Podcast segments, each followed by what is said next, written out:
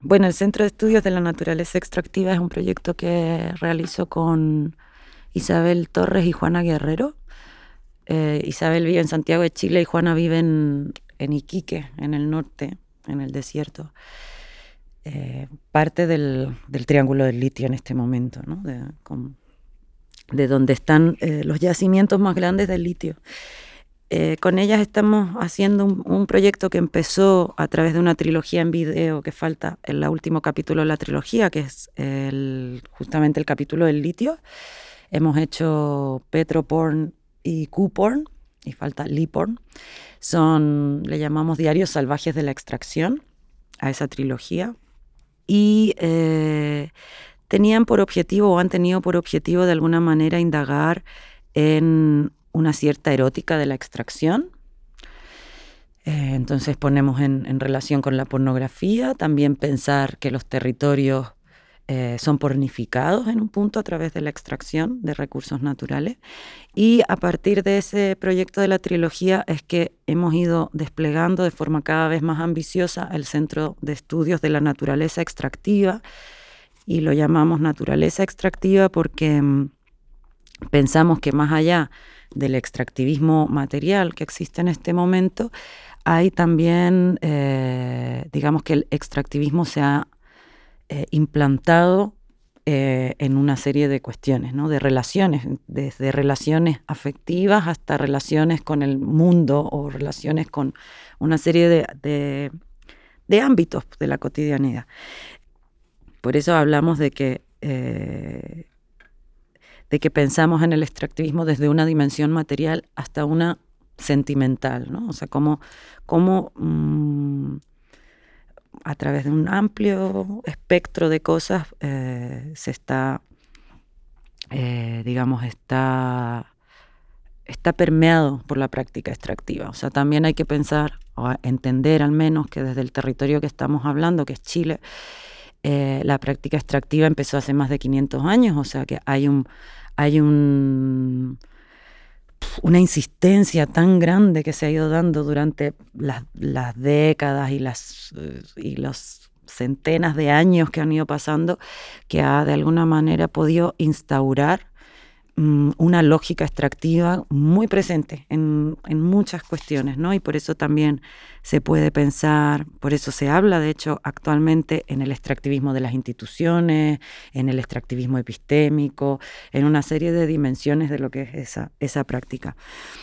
En, la, en este momento estamos desarrollando, bueno, por un lado una enciclopedia parcial y por otra parte un glosario oral, y en ese glosario oral eh, estamos trabajando audios porque, bueno, creemos que la oralidad es algo que, en eso quizás se parece a este proyecto de la radio, es algo interesante de explorar a nivel de, producir reflexiones en, relación al extractivismo que no sean necesariamente el dato cuantitativo, eh, el mineral, que también, pero pensar, bueno, en una serie de cuestiones como las tecnologías que usamos, eh, nuestra relación afectiva con estas tecnologías, cómo está permeada también por la presencia de minerales, cómo eh, hay una serie de desplazamientos del mineral que también son una, una serie de desplazamientos, por ejemplo, el litio que va a salir del, desierto eh, de Chile en este caso, o de Bolivia va a ir a otro territorio a ser procesado, va a ir a otro territorio a ser programado, y luego va a volver aquí en forma de eh, producción cultural, en forma de el soporte que me permite hablar con mi novia, bueno, en, múltiples formatos, eh, que entonces permean mucho más allá de lo que es la, eh, el, material en sí mismo, Y trabajamos en, en Cenex con mucho con cultura popular también, mezclando esos niveles, el de, el de una pseudo abordaje cuantitativo de datos, pero también con eh, relaciones que tienen que ver con la cultura popular o relaciones que nos ofrece la cultura popular.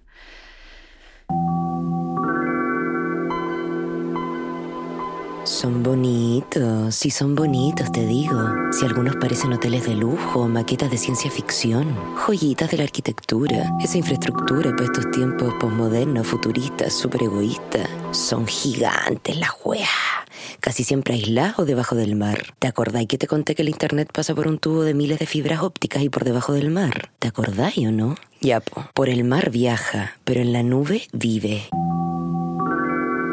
Y esa nube no es nada liviana que flota en el cielo. Esa nube está dentro de fortalezas de cemento que guardan, acumulan, reparten, chorrean microdatos. Esa nube es un data center, compañera. Castillo del Big Data. Si está el Big Bang del siglo XXI. Si te contara yo, si son pasarelas de cables, discos duros, luces LED, son minas digitales, donde no se extraen minerales ni piedras preciosas. Se extrae un poquito demasiado excesivo de cada uno de nosotros, de tu intimidad tu vida privada, esa que supuestamente a nadie le importa. Una siempre diciendo, ¿y quién va a querer saber todo de mí si yo soy repiola? Es que no, po guachita, no funciona así la weá.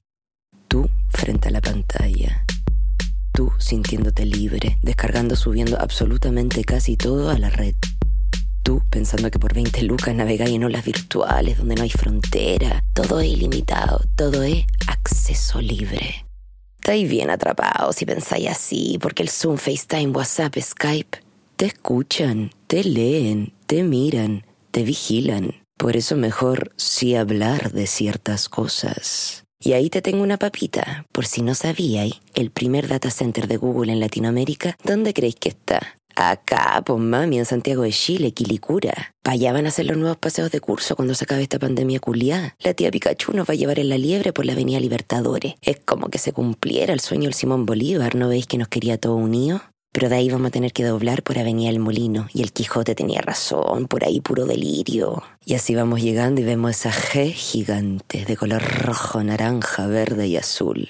Ay, Google, eres imparable, ultra penetrable, 24-7 eyaculando desde la nube, toxina pública. Yo solo te pido que nunca te olvides que estás siendo exprimida, expropiada, explotada y por siempre vigilada. Y tampoco nunca te olvidí que el Internet no es nada universal. Bueno, algo muy pop, la verdad, el proyecto. Y bueno, es un proyecto megalómano, obvio. Entonces, como queremos hacer una enciclopedia parcial, como todas las enciclopedias, solo que se reconoce en su parcialidad, las otras no, no se reconocen en su parcialidad, pero en esta enciclopedia también nos gustaría hacer un, un trabajo más eh, documental de conversar con personas. En el mes de enero eh, va a haber como un, que yo no voy a estar de cuerpo presente, pero vamos a hacer una residencia en el norte y ahí como que se espera también poder interactuar con, con distintas comunidades afectadas de primera fuente con la, por la minería, ¿no? Porque también cuando se piensa en el extractivismo se piensa en expertos, em, geólogos, etcétera, y no se piensa en esa gente que está viviendo como hace cuatro generaciones de abuelos trabajando en la minería, bueno, toda una, toda una familia y toda una historia familiar que está totalmente vinculada a la minería y entonces, bueno, también es darle esa, mm, digamos, el reconocimiento a esa, a esa expertise que tiene la gente que ha vivido toda su vida en ese territorio y con, esa, eh, con esos saberes, ¿no? Dados por la experiencia. más o menos de eso se trata. Eh, tenemos una locutora excelente.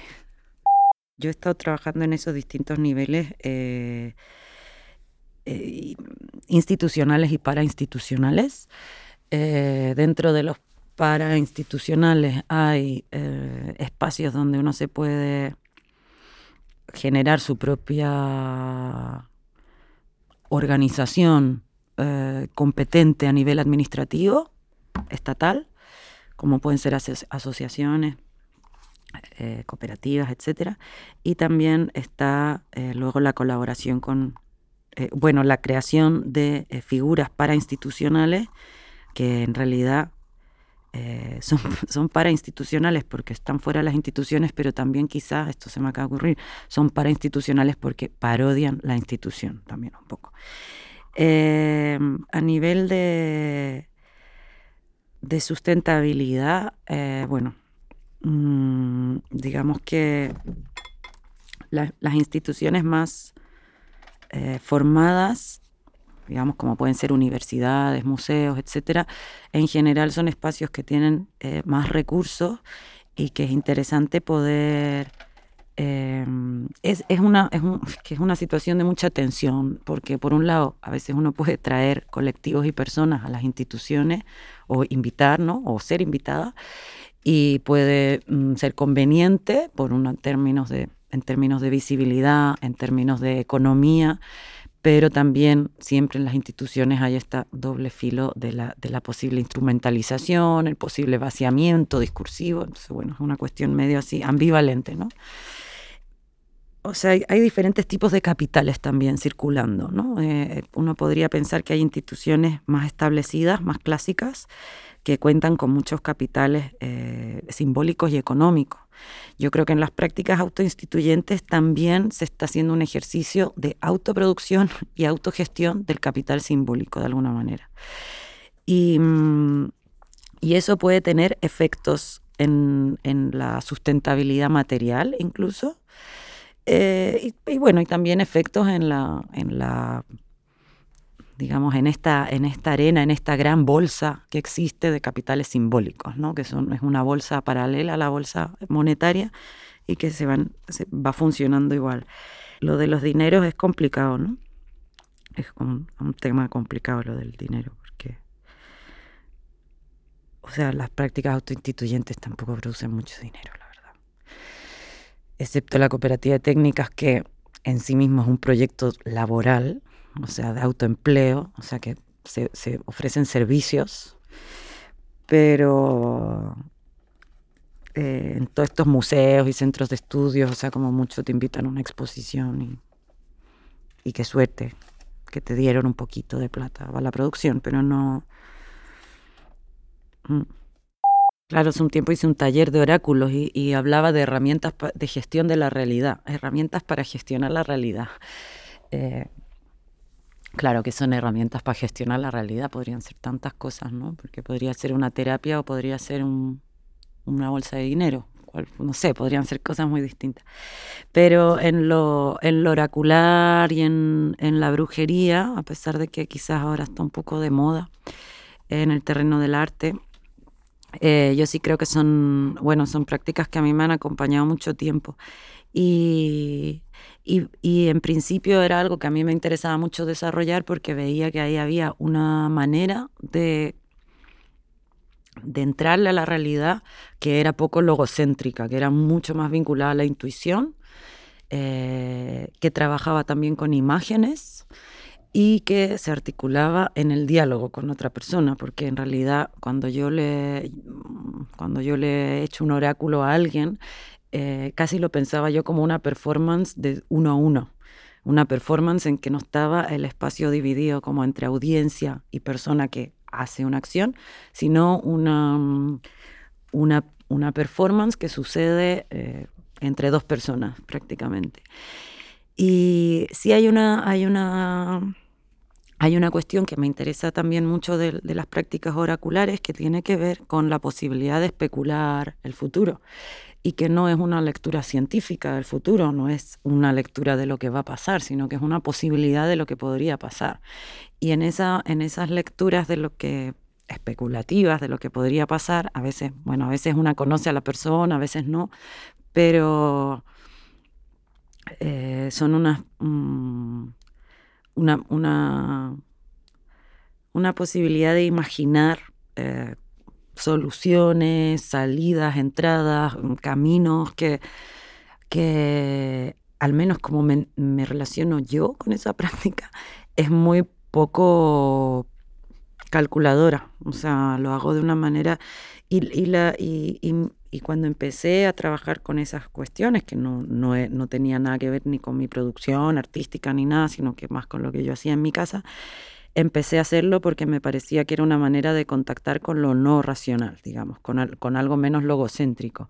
Luego resultó que esto a la gente le hacía gracia, fuera como proyecto artístico o como herramienta para gestionar su propia realidad, pero y, luego sí que experimenté haciendo como talleres, que cada persona hiciera un proyecto de desarrollo de un oráculo, y eso ya también era interesante porque se veía, bueno, eh, distintos abordajes de, digamos, de ese artilugio que puede tener cualquier forma y que puede operar ocupando el espacio o puede operar a través de la producción de imágenes o, ahora con, Violeta Mayoral tengo un oráculo que es de palabras y que, y que funciona siendo tatuado. Entonces hay como muchas posibilidades de, de desarrollar una práctica oracular, pero tiene algo especulativo que es interesante sobre todo ahora de pensar. Mm. Em, algo que te abre a este, a este momento, ¿no? Que este momento parece como con todos los discursos em, ecologistas de la catástrofe, parece que como que se fuera a acabar el mundo mañana y entonces es posible que se acabe el mundo mañana, pero también tener como esas, eh, esas herramientas para poder imaginar son importantes. A mí esa, esa imagen de Sueli Rolnik me ha servido mucho porque en realidad eh, ante la pregunta de qué hacer en distintas situaciones, no es que uno pueda decir hay que hacer esto, sino que a veces la orientación es una cuestión que, que requiere de un motor ético para orientarse, más que de una receta de como, en plan, hay que ir ahí, ¿no? Como quizás algo menos programático, como quizás eran las, las las izquierdas así más revolucionarias tenían como un lugar al que había que llegar, muy claro. Y en este caso, como yo, como yo aplico, digamos, esta figura de Sully Rolnick de la brújula ética, es más una ética la que te va orientando en relación a, cada momento y en, cada contexto, ¿no? Y que no... Mm, muchas veces se preguntan, ¿no? O te preguntan, o tú misma te preguntas, ¿qué qué tengo que hacer en, este, en, este, en esta situación. Y quizás esa situación es muy similar a otra que sucedió antes, pero igual no funciona de la misma forma lo que, digamos, hacia dónde una va, ¿no? ¿Cuál es su, su sur para no, para no seguir dándole onda al norte, ¿no? Quizás sin darme cuenta, eh, desde hace mucho tiempo yo he ido como yendo muy en contra de esa, de esa distancia crítica supuestamente que hay que tener. Esto que tú decías, como enamorándome de la persona que, cuyo trabajo quiero investigar o liándola, mm, mezclando mucho las cosas. Eh, esto me ha pasado. Ahora, eh, con el tiempo, eh, puedo, puedo hacer una lectura también de eso, a qué responde eso, ¿no? Igual responde a una genuina resistencia a mantener como las distancias.